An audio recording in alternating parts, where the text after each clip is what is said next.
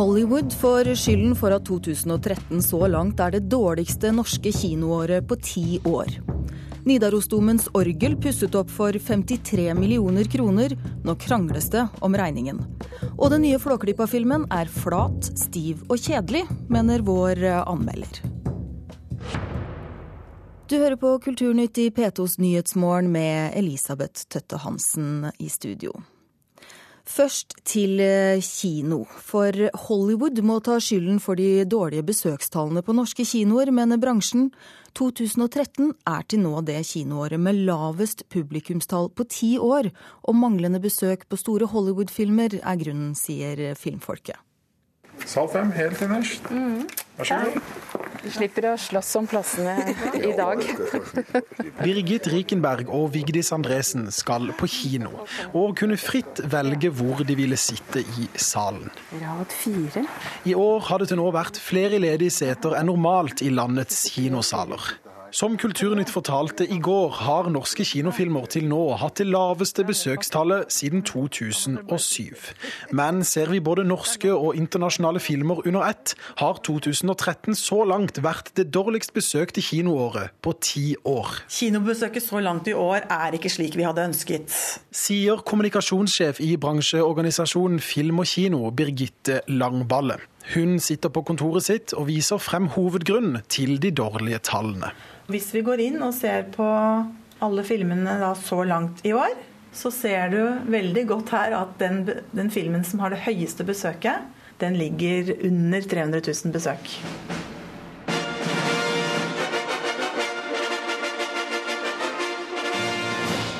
For Hollywood har ikke innfridd i 2013. Hollywood har sviktet. Sier medieprofessor Ove Solum. Og det kan man se i Europa også, at eh, disse store filmene fra Hollywood de har uteblitt. Solum understreker at kinotallene de siste 20 årene jevnt over har holdt seg stabile. På bakgrunn av dette er foreløpig ikke Langballe bekymret. Kinobesøket går opp og ned. Eh, hvis vi ser kinobesøket over lang tid, så har det holdt seg bemerkelsesverdig stabilt. Birgit og Vigdis, som sitter klare for en ny kinoopplevelse på Ringen kino i Oslo, syns foreløpig ikke andre medier kan erstatte den gode filmopplevelsen. Jeg tror også mange ser film på fjernsyn. Eh, de har kjøpt eh, ganske store skjermer etter hvert. Ja. Eh, men for meg blir det ikke det samme. Det kan ikke erstatte kino og kinosalen. Reporter var Christian Ingebretsen. Og Terje Eidsvåg, filmkritiker og kulturkommentator i Adresseavisen. Er du eh, skuffet over det Hollywood har levert så langt i år? Absolutt. Jeg tror det må være et av de dårligste årene på det jeg kan huske. Både når det gjelder eh, kvalitet, eh, men også når gjelder, særlig når det gjelder kombinasjonen av store kvalitetsfilmer. Det er kanskje der det, den store skuffelsen har vært i år. Ja, hva er grunnen til at det har blitt sånn? Eh, dessverre så tror jeg kanskje at noe av årsaken er en mann ved navn Christopher Nolan, som har laga tre fantastiske Batman-filmer i milliardklassen på gigantisk budsjett, som har vært veldig bra og innovativ, og har truffet, truffet mange. Og så har eh, alle studiene prøvd å lage, eh, virker det som, eh, den filmen som i år skulle trekke en halv million i Norge og kanskje spille inn 400-500 millioner dollar i USA. Og så har svært mange av dem, med unntak for Iron Man 3, egentlig floppa.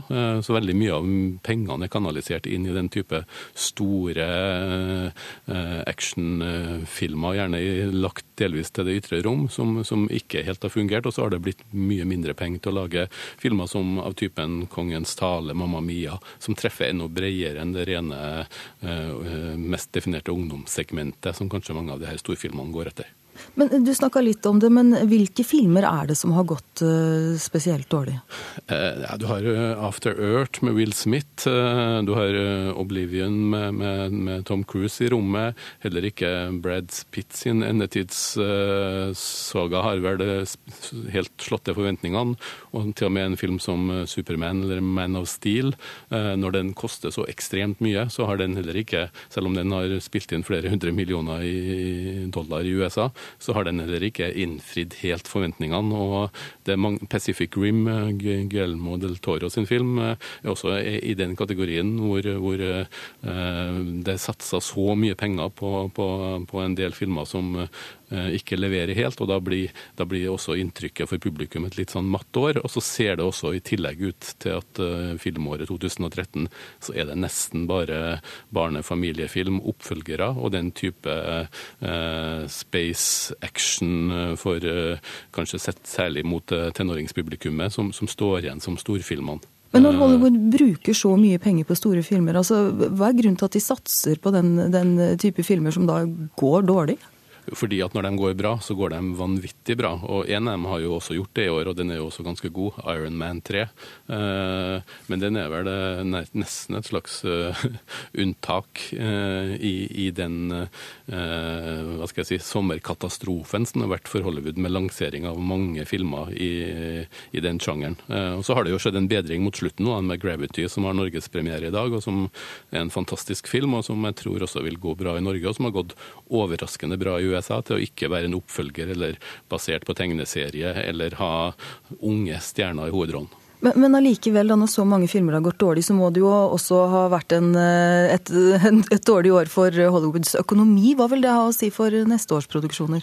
Ja, Det blir spennende å se. Eh, nå førte jo den voldsomme suksessen til, til Batman og for så vidt også Iron Man og en del av de her Marvel-tegneseriefilmatiseringene til en, en, veldig massiv satsing på det vi har sett i år. Og nå har ikke det lyktes helt, og da blir det interessant å se hva som uh, skjer videre. Det som har vært skadelidende i denne uh, satsinga, ensidige satsinga i år, har jo vært uh, storfilmer for et bredere og delvis også mer voksent publikum. Uh, filmer i ja, 50-80 millioner dollars-klassen, som også når et mer voksent publikum på sitt beste. Og kanskje vil man få tilbake flere av de kvalitetsfilmene i mellomklassen som Hollywood nesten ikke har levert i år, håper jeg. Ja, Da får vi håpe at neste år blir et bedre år både for Hollywood og norske kinoer. Takk skal du ha, Terje Eidsvåg, filmkritiker og kulturkommentator i Adresseavisen.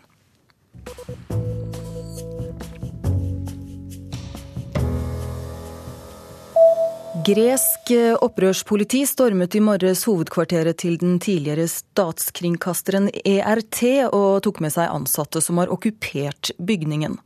2600 ansatte mistet jobben da den greske regjeringen over natten la ned ERT i juni i år. Beslutningen vakte sterke reaksjoner, og en gruppe ansatte har siden okkupert hovedkvarteret og laget piratradio. Torsdag morgen ble bygningen stormet av opprørspoliti, som gikk fra rom til rom og pågrep okkupantene.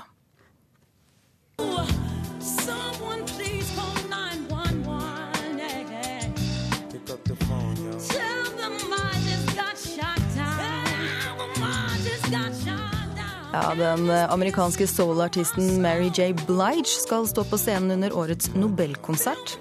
Blige skal bl.a. dele scene med britiske James Blunt, svenske Sara Larsson og den norske hiphop-gruppa Envy. Fra før er det opplyst at årets nobelkonsert skal ledes av skuespilleren Claire Danes, kjent fra TV-serien Homeland. Konserten til ære for nobelprisvinneren OPCW holdes 11.12. i Oslo Spektrum, og TV-overføres i opptil 120 land. Og spillefilmen Pax fra 2011 er Norges mest subsidierte spillefilm noensinne. En gjennomgang Aftenposten har gjort, viser at filmen mottok hele 4228 kroner i offentlig støtte for hver av de 3500 solgte kinobillettene. Vi tapte selv 2000 kroner per kjøpte billett, sier produsent Stein B. Kvae i filmens produksjonsselskap Paradox til Aftenposten.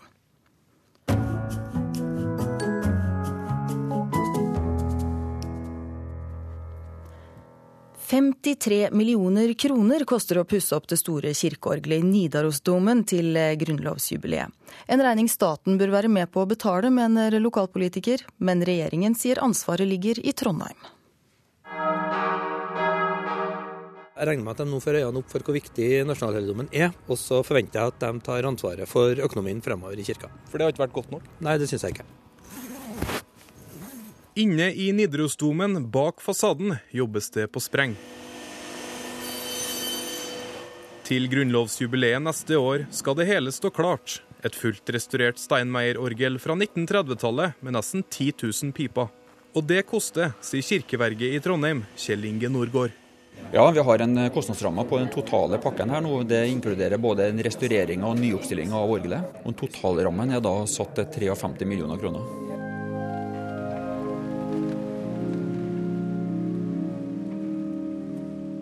Slik hørtes det gamle orgelet ut i Nidarosdomen.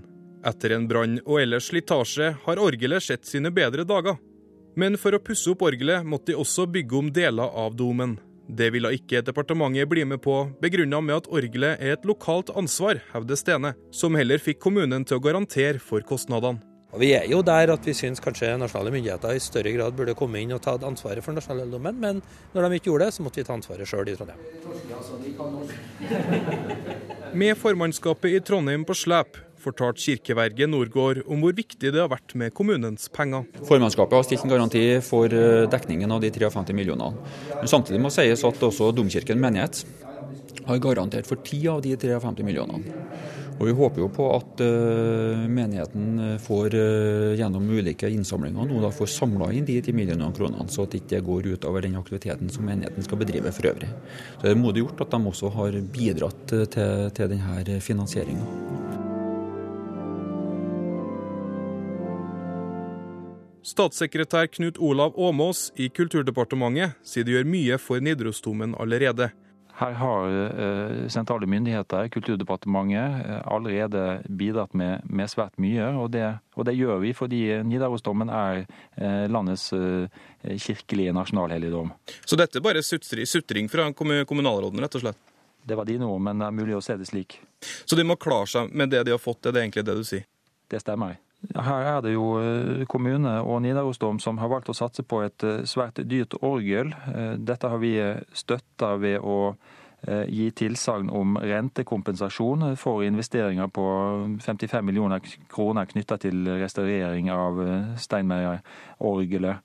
Og Det betyr jo at Trondheim kommune kan låne penger til restaureringen og få kompensert renteutgifter over 20 år etter at prosjektet er ferdigstilt.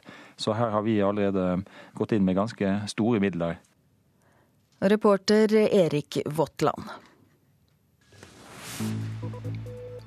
Klokka har blitt eh, kvart over åtte. Du hører på Kulturnytt, og dette er de viktigste sakene i NRK Nyheter nå.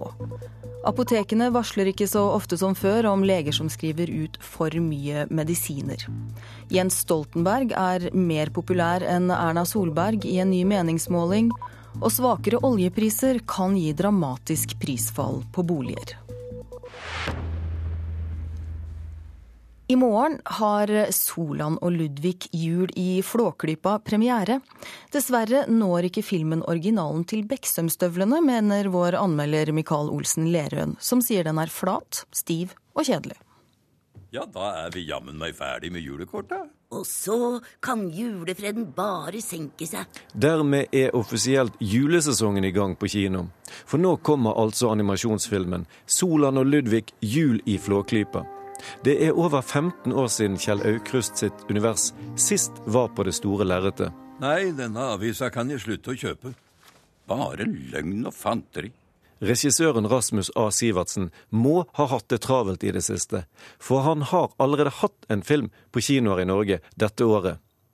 Og dette er hans femte helaftens siden han startet med Kaptein Sabeltann for ti år siden. Mellom Flåklypa og Kjuttaviga har han laget to politibilfilmer og Kurt blir grusom. Nå forvalter han altså arven etter Norges største kinosuksess, nemlig Flåklypa. Hva er det du tenker på, Ludvig? Jeg tenker på alle som trenger snø. Ludvig har et poeng. Tenk på alle dem som har en kasset Sklimax 1000-kjelke stående som de ikke får testa. Historien er enkel. Det nærmer seg jul, og det snør ikke. Oi, hvordan skal det da gå med bygden Flåklypa? For det er krise for de fem innbyggerne i bygden om snøen ikke dukker opp. Vel, dette er jo et slags drama, og spørsmålet er kan Reodor Felgen finne opp en snømaskin? Tja, siden han ganske raskt i filmen slår opp på snøkanon for kunstsnø i oppslagsverket sitt, så røper jeg ikke så mye når jeg avslører at ja da, det kan han. Faktisk før filmen er halvveis. Så da må nye kunstige utfordringer løses. Kunne du ordna noe da, Reodor? Så var vi sikre på at det ble jul alskens. Handlingen i denne Flåklypa-filmen er kortere enn i en episode fra Juli Skomakergata. Og der den gamle førjuls-TV-serien til NRK hadde varme og menneskelighet, så er Solan og Ludvig stokk stiv. Ikke bare filmen, men også karakterene. Kjell Aukrust ga de en varme og personlighet da Norge har brydd seg om siden 50-tallet.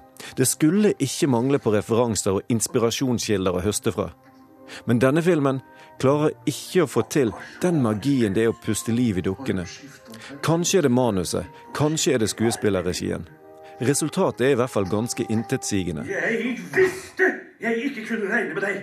Du er flink med sykler, men du fikser ikke snø, nei. Hvis jeg ville sånn. Historiemessig er filmen kjedelig og politisk korrekt som en nyhetsoppleser. Og den har faktisk ingen egentlig skurk. Vel, den har noen som er litt dum, og det får duge for historien. Men det gjør egentlig ikke det. Det at noe står på spill er viktig, at det finnes noe dramatikk, noe fremdrift. Men dette er noe i denne Flåklypa-filmen er så lite og så uviktig som et enkelt snøfnugg vil være det. Dramaturgien er like kupert som innsiden av vikingskipet på Hamar, og folkene like glatt som isen inni. Og humoren er omtrent like spennende som å diskutere skismørning i juli. Men den som ler sist, Melvin, ler til slutt. Filmen føles egentlig som en gjennomføring. Karakterene markerer personligheten og replikkene sine, men de kommer aldri igjennom. De blir aldri tydelige og fylt med menneskelig varme. Og dermed ender Solan og Ludvig Juli Flåklypa opp med å bli like spennende og innholdsrik som første juledag. Ja, Det sa Mikael Olsen Lerøen, som er tilbake med mer filmstoff i Mørkets opplevelser på P2 i kveld. Mange kulturminner står i fare for å gå tapt fordi få kirkegårder i Norge har en bevaringsplan. Det mener rådgiver i gravplasssaker ved Den norske kirke, Åse Skrøvseth. Under 10% av kirkegårdene her i landet har en slik plan. Det er uten tvil den absolutt eldste. Leder for Gjøvdal sokneråd, Elinor Oland, viser oss en liten stein som er det eldste gravminnet ved den gamle middelalderkirkegården i Gjøvdal kirke i Åmli. Og vi får være veldig glad for at den har berga seg gjennom skiftende tider. For på den så er det kors, et gresk kors der og et der oppe, og så er det et bumerke mellom. Hun har lagt ned utallige dugnadstimer i fotografering, registrering og systematisering av gravminner for å hjelpe å lage ferdig en bevaringsplan for kirkegården. Der er ei jernplate som jeg tror ikke det er så mange av i nasjonal sammenheng. Dette for å bevare kulturhistorien i bygda. Jeg tror at bygd ville blitt veldig fattig hvis ikke du hadde den historien og var bevisst på den. For det som skjer er at når noen, en generasjon faller fra, så er det ikke alltid at kunnskapen går videre til neste. Men har du noen synlige minner og sånn, så har du en mulighet. Ja, jeg ser det. Det er jo en mulighet for det. Vi vil heller det, tror jeg. Ja. Si Ei som roser arbeidet med å få lagd en bevaringsplan, det er rådgiver i gravplassaker ved Den norske kirke, Åse Skrøvseth. De gravplassene våre er viktige kulturminner, og de forteller mye om eh, stedet. Både personalhistorie, og det kan være flott både materialbruk og lokalt håndverk. Og det er, store verdier som ligger her, da. Ja. Av de 2000 kirkegårdene vi har i Norge, regner man med at under 10% har lagd en bevaringsplan. Det er altfor få, mener Skrøvseth. Altså I verste fall, hvis de ikke er bevisste, så vil man jo på en måte miste viktige kulturminner. da. Fordi at ting, eh, gravminner eh, Når festeavtaler opphører, så skal jo gravminnene normalt fjernes fra kirkegården. Og hvis de blir fjerna og, og knust, da, så har man jo på en måte mista det for evig og alltid. Ja, Så jernkorsa står godt. De var det òg meninga skulle få lov å stå. Mange er avhengige av ildsjeler som Elinor Oland for å få på plass en bevaringsplan.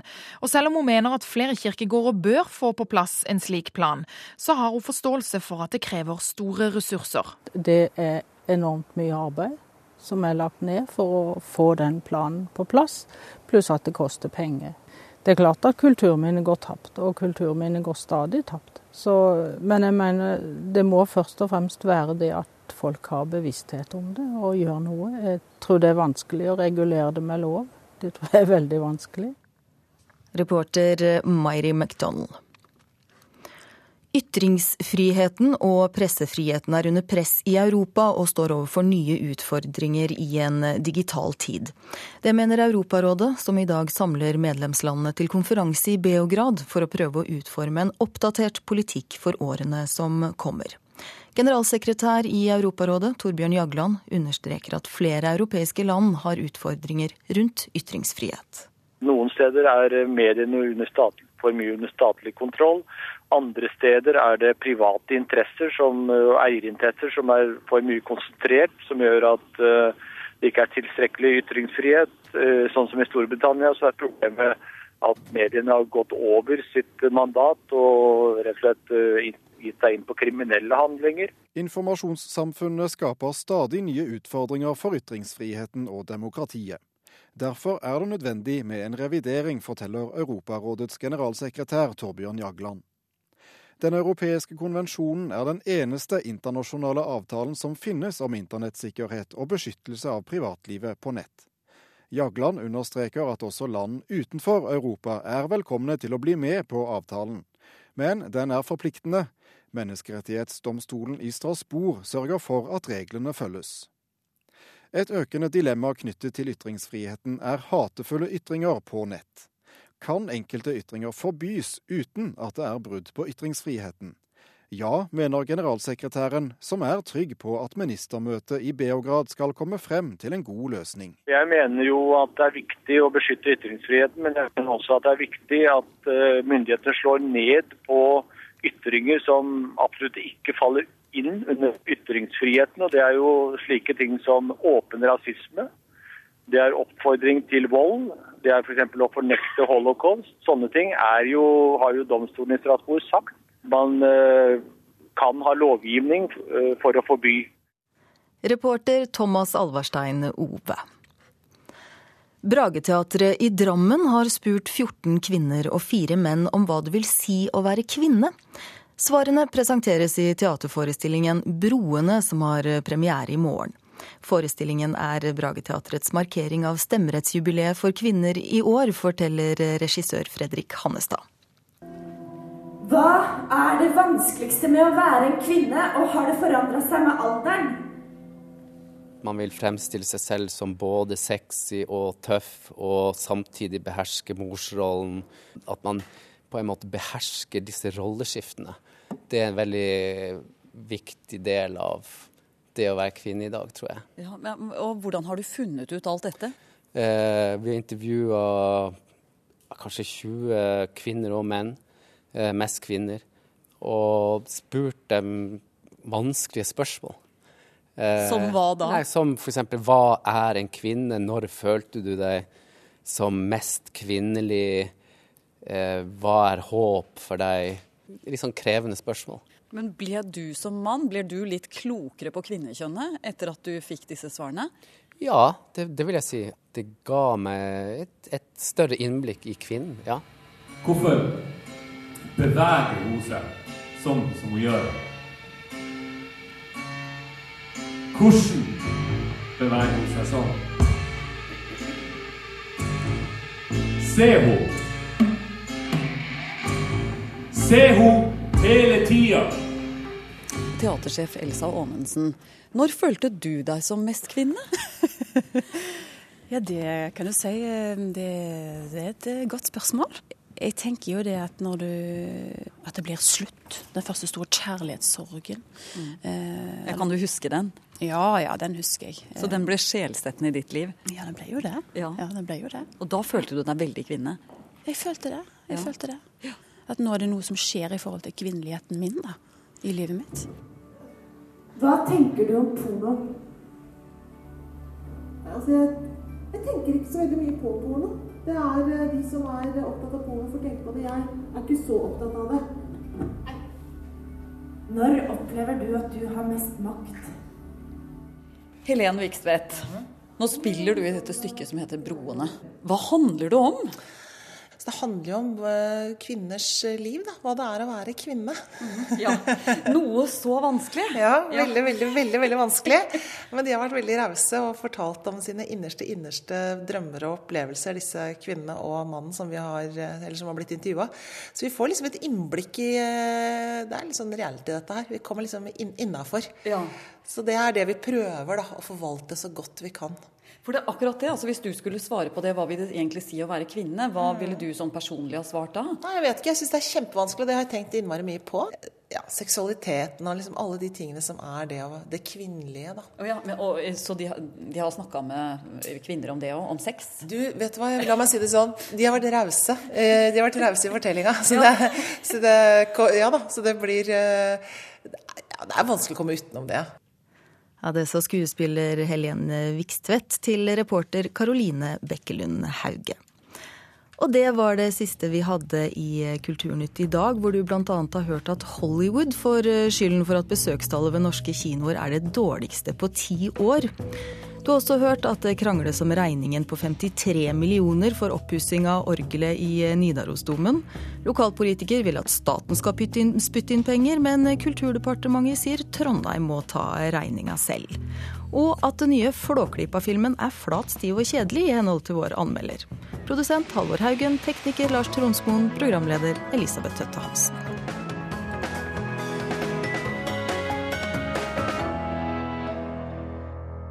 Kulturhuset i dag.